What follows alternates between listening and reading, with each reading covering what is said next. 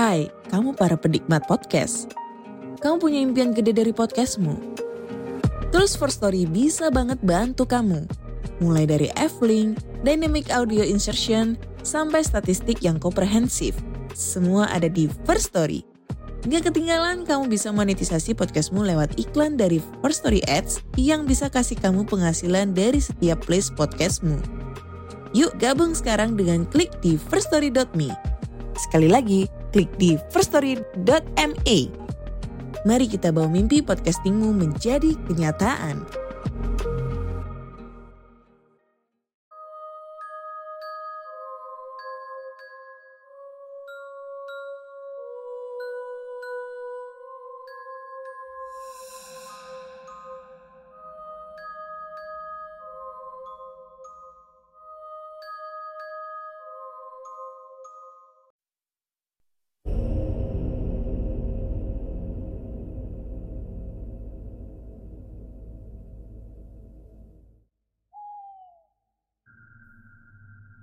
Assalamualaikum warahmatullahi wabarakatuh. Halo semuanya.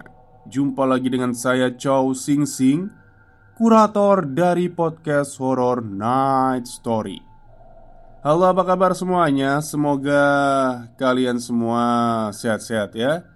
Dan seperti biasanya pada hari ini saya kembali Dan akan menghadirkan sebuah kisah mistis untuk kalian semua Kisah mistis kali ini saya datangkan dari treat horornya Mas Freddy Spare yang menceritakan sebuah kejadian yang akhirnya dari kejadian itu orang tersebut percaya bahwa goib itu ada.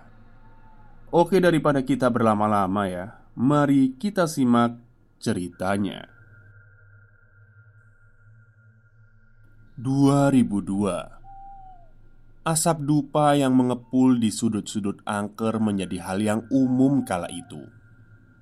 Meski belum legal Judi togel seolah menjadi sendi kesibukan warga di desa Pinang Yang ada di kaki Gunung Raung. Hampir setiap malam Entah sendiri entah bergerumbul Warga akan mendatangi tempat-tempat angker Meletakkan sesajen lalu membakar dupa untuk mencari petunjuk. Kira-kira angka berapa yang akan keluar esok harinya? Di tengah hiruk-pikuk masyarakat yang tengah kecanduan togel, ada seorang pria yang nampak kesal dengan aktivitas mencari nomor di tempat angker, atau biasa disebut warga dengan istilah ngerandong. Pria itu bernama Acong memiliki darah keturunan Tionghoa dan termasuk salah satu orang kaya di desa itu. Suatu malam, Acong berangkat sendirian mendatangi sebuah kebun pisang yang berada tak jauh dari sungai di pinggir desa. Di sana sudah ada beberapa pemuda yang berkumpul, termasuk Daryanto, Slamet, Rukyan, dan beberapa pemuda lainnya.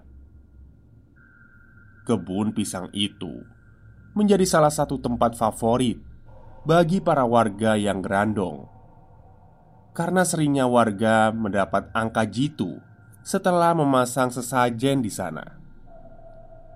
Acong lalu menghampiri para pemuda yang duduk di sekitar warga yang sedang gerandong itu. Di tengah para pemuda itu Acong langsung mengatakan ketidakpercayaannya kepada hal yang dilakukan warga. Minta uang kok sama pohon pisang, sama batu. Emang ada orangnya? Kata Acong sambil memasang tangan di pinggangnya. Woi, maksudmu apa, Cong? Rukyan yang tiba-tiba emosi berdiri nyaris memukul wajah Acong. Beruntung Daryanto dengan cepat menahan tubuh Rukyan. Gak apa-apa Cong. Kalau kamu gak percaya Gak ada yang maksa kok Buat kamu percaya Sahut Daryanto sambil memegangi Rukyan. Bukannya menyadari ucapannya Acong malah menendang beberapa sesajen yang ada di dekatnya. Hal itu sempat membuat beberapa orang yang sedang khusyuk ritual menoleh ke Acong. Nah, lihat, nggak ada apa-apa toh. Kalau ini ada setan atau jinnya, ya pasti marah sama saya. Buktinya saya nggak apa-apa. Ucap Acong meledek. Daryanto yang paham dengan karakter Acong lalu berusaha menenangkan semua orang. Karpu piye tocong? Kamu berani ketemu sama setan? Ditantang seperti itu, Acong bergolak. Dia mendekati Daryanto. Singkat cerita, Acong ingin melihat jin seperti yang dikatakan oleh orang-orang. Bahkan dia siap memberikan sejumlah uang jika memang ada yang bisa memfasilitasi. Daryanto pun menerima tantangan itu. Dia menjanjikan Acong untuk mengikuti sebuah ritual, tapi tidak di tengah desa. Acong setuju, bahkan Acong mau membiayai semua pernik ritual. Mereka pun sepakat, termasuk belasan pemuda yang geram dengan Acong. Hari yang disepakati pun tiba. Saat itu waktu sudah menjelang sore Ritual rencananya akan dilakukan di tengah hutan Di dekat Watu Perahu Yakni Sebuah batu besar Berbentuk mirip perahu Yang ada di tengah lebatnya hutan randu. Satu buah mobil pickup berisi bermacam sesajen Disiapkan. Sesajen-sesajen itu dibeli dengan uang yang diberi oleh Acong. Pria kaya itu mengatakan, jika dia tak ingin ritual setengah-setengah, supaya jin yang selama ini dianggap ada itu benar-benar bisa dilihat oleh Acong. Ada bermacam hasil bumi, seperti pisang, singkong, ketela, kelapa, dan bunga tujuh rupa. Ada hewan-hewan juga, seperti ayam, burung gagak, kepala kerbau, dan ular kobra. Sore itu, rombongan berangkat ke Watu Perahu yang berjarak sekitar 20 km dari desa. Selain pickup yang mengangkut sesajen, pemuda dan warga lainnya yang ikut ritual itu menggunakan sepeda motor. Total ada 12 orang termasuk Acong, Slamet, Daryanto, dan beberapa orang yang malam itu ada di kebun pisang. Mereka berjalan beriringan melewati jalan setapak yang mengarah ke dalam hutan. Hari semakin gelap. Jalan setapak yang awalnya cukup lebar perlahan menjadi sempit.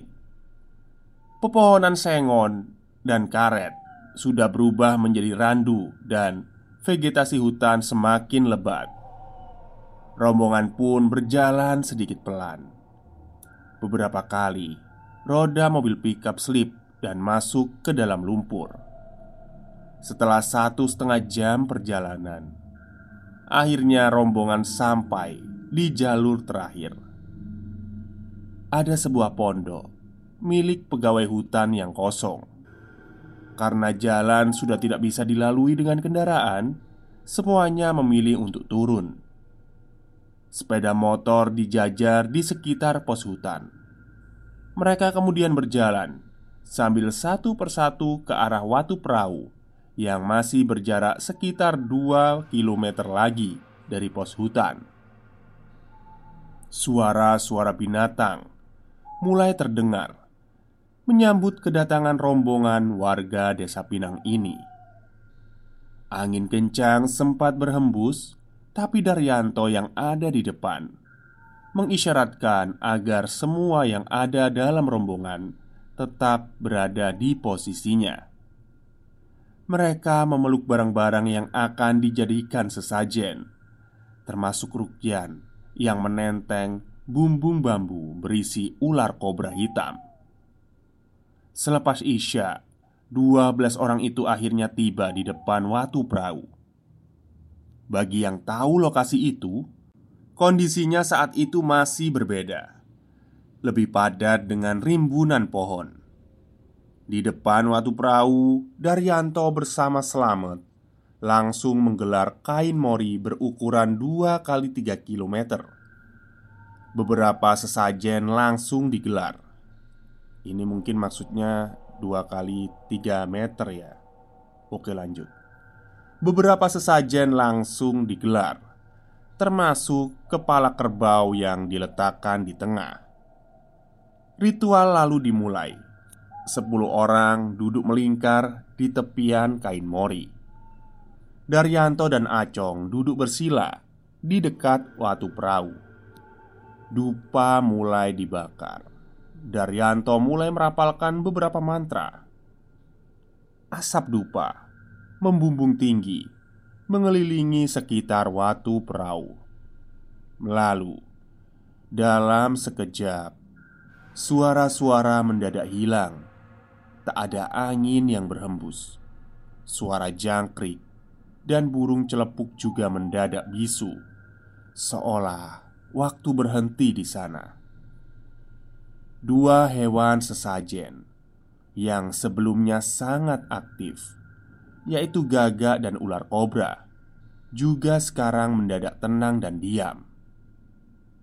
Daryanto lalu membuka bumbung bambu Seperti diperintah Ular itu lalu keluar dengan sendirinya Seolah sudah siap untuk disembeli Lalu dengan cepat Daryanto menyayat leher ular itu Meneteskan ke bara dupa yang masih menyala. Setelah itu giliran burung gagak. Hal yang sama juga terjadi.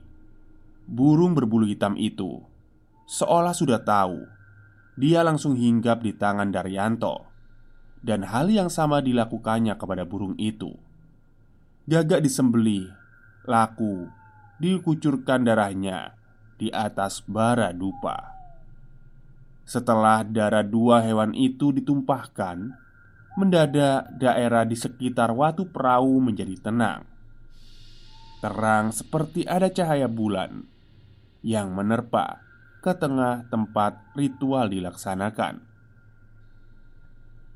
Cong, kalau kamu beneran berani, sekarang kamu loncati sesajen itu, kata Daryanto. Acong yang masih tampak angkuh lalu berdiri. Setelah menoleh ke semua peserta ritual, Acong langsung melompati ke sesajen. Akan tetapi, belum juga satu kakinya menyentuh tanah Tubuh Acong terlempar Seolah mendapatkan dorongan Tak tanggung-tanggung Tubuh Acong melesat 12 meter Dari titik sesajen.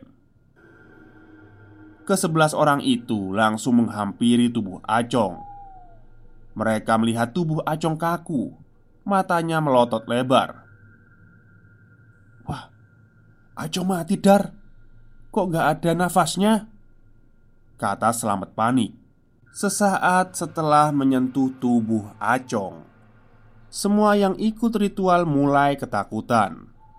Mereka bingung bagaimana nantinya Jika harus pulang dalam membawa kondisi mayat. Saat mereka tengah fokus memegangi Acong Angin kencang berhembus. Daryanto menyuruh kembali orang-orang untuk balik ke posisinya masing-masing. Sesaat kemudian, di belakang watu perahu ada flare-flare yang berjatuhan. Dari setiap flare yang jatuh, muncul sesosok makhluk kerdil bertubuh kekar. Bentuknya mirip dua rapala. Dua rapala itu kayak patung itu ya yang biasanya kita ke candi atau Eh, rumah-rumah orang Jawa itu kan kayak ada patung orangnya kerdil terus pegang pentungan itu ya. Kalau flare itu yang itu yang kayak sinar apa darurat itu.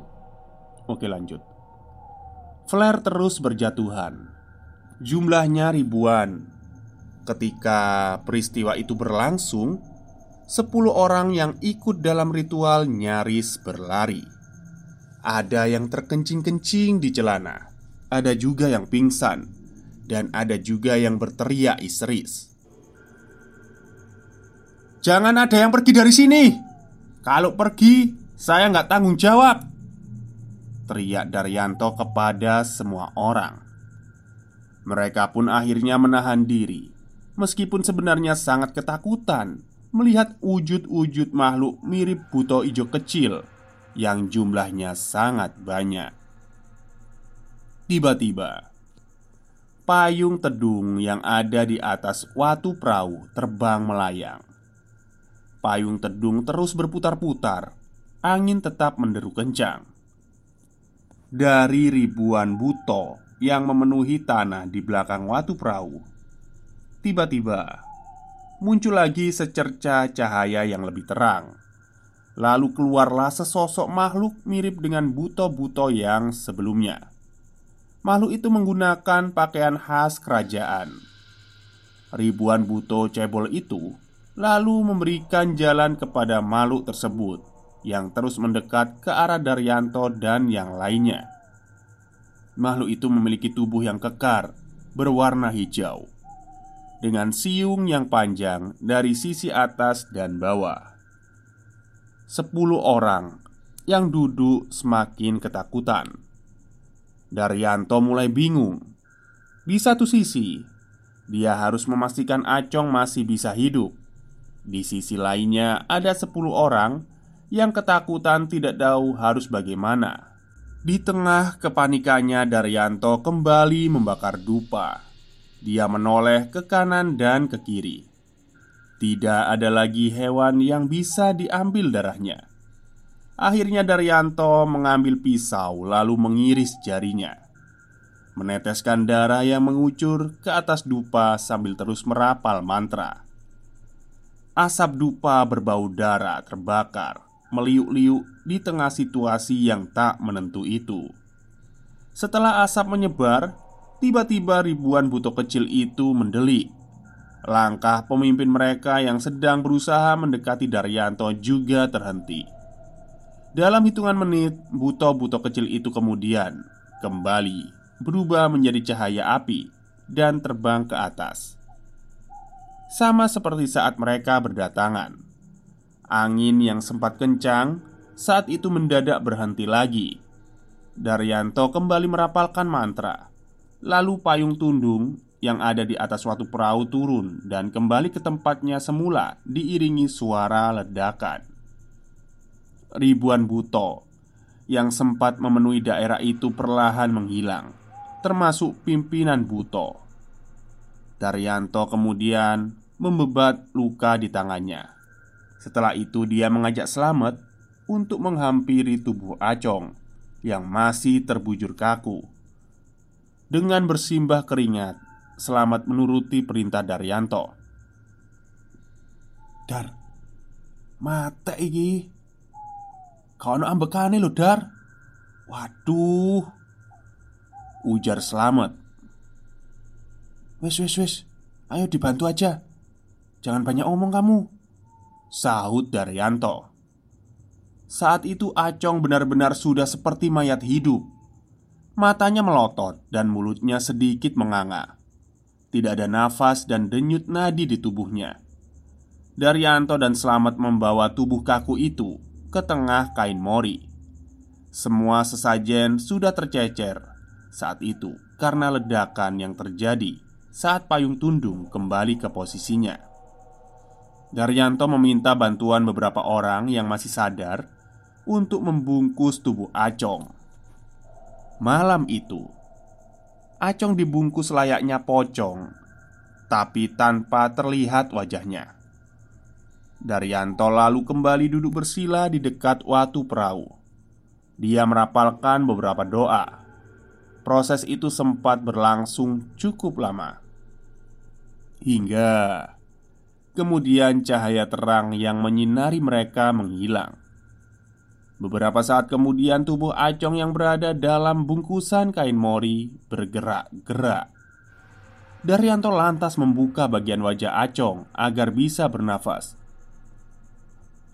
Orep dar, orep maneh Kata Selamat bersemangat Iyo Tapi ini belum selesai Ayo dibangunkan yang lainnya Kita pulang Jawab Daryanto.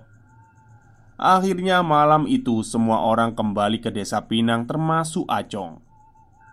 Akan tetapi Kondisi Acong tak lagi sama setelah itu. Dia suka bicara sendiri Marah-marah sendiri Dan tertawa sendiri. Kondisi ini sempat menjadi rahasia antara Daryanto dan ke sepuluh orang lainnya Tak ada yang tahu peristiwa apa yang menimpa Acong malam itu Istri dan keluarga Acong hanya bisa kebingungan dengan kondisi tiba-tiba Acong. Acong menjadi pemarah, tak mau makan, dan kerap berjalan sendirian di malam hari. Orang-orang sempat mengira Acong menjadi gila lantaran sempat menendang sesajen di pohon pisang. Orang-orang tak tahu jika ada ritual lain yang membuat kondisi Acong seperti saat ini. Kondisi itu berjalan sekitar 10 bulan lamanya. Keluarga sudah pasrah dan menerima bahwa Acong tidak waras. Sampai kemudian satu hari Acong mendadak sembuh, ingatannya kembali. Ternyata di sisi lain, kejadian gilanya Acong membuat Daryanto merasa bersalah. Meski Acong keterlaluan, tapi apa yang didapatkannya menurutnya terlalu berlebihan. Singkat cerita, setiap minggu Daryanto datang sendiri ke Watu Perahu Melakukan sebuah ritual khusus. Dalam ritual itu Daryanto membawa bermacam sesajen Termasuk kelapa gading untuk bernegosiasi Dengan para penduduk Watu Perahu Meminta agar mereka berkenan Mengembalikan Sukma Acong yang terjebak di alam mereka. Proses negosiasi itu berjalan cukup panjang Sampai 10 bulan lamanya. Akhirnya negosiasi pun selesai. Mereka, para penghuni Watu Perahu melepaskan Acong Kembali ke tubuhnya. Hal itulah yang membuat Acong mendadak sembuh dari kegilaannya Begitu sadar Acong langsung mencari keberadaan Daryanto dan kawan-kawannya dia langsung mohon maaf kepada Daryanto. Dengan legowo, Daryanto memaafkan kesalahan Acong. Dia juga minta maaf karena membawa Acong sampai jauh ke dalam ritual. Di tengah pembicaraan itu, Acong bercerita tentang pengalamannya sesaat setelah melangkahi sesajen.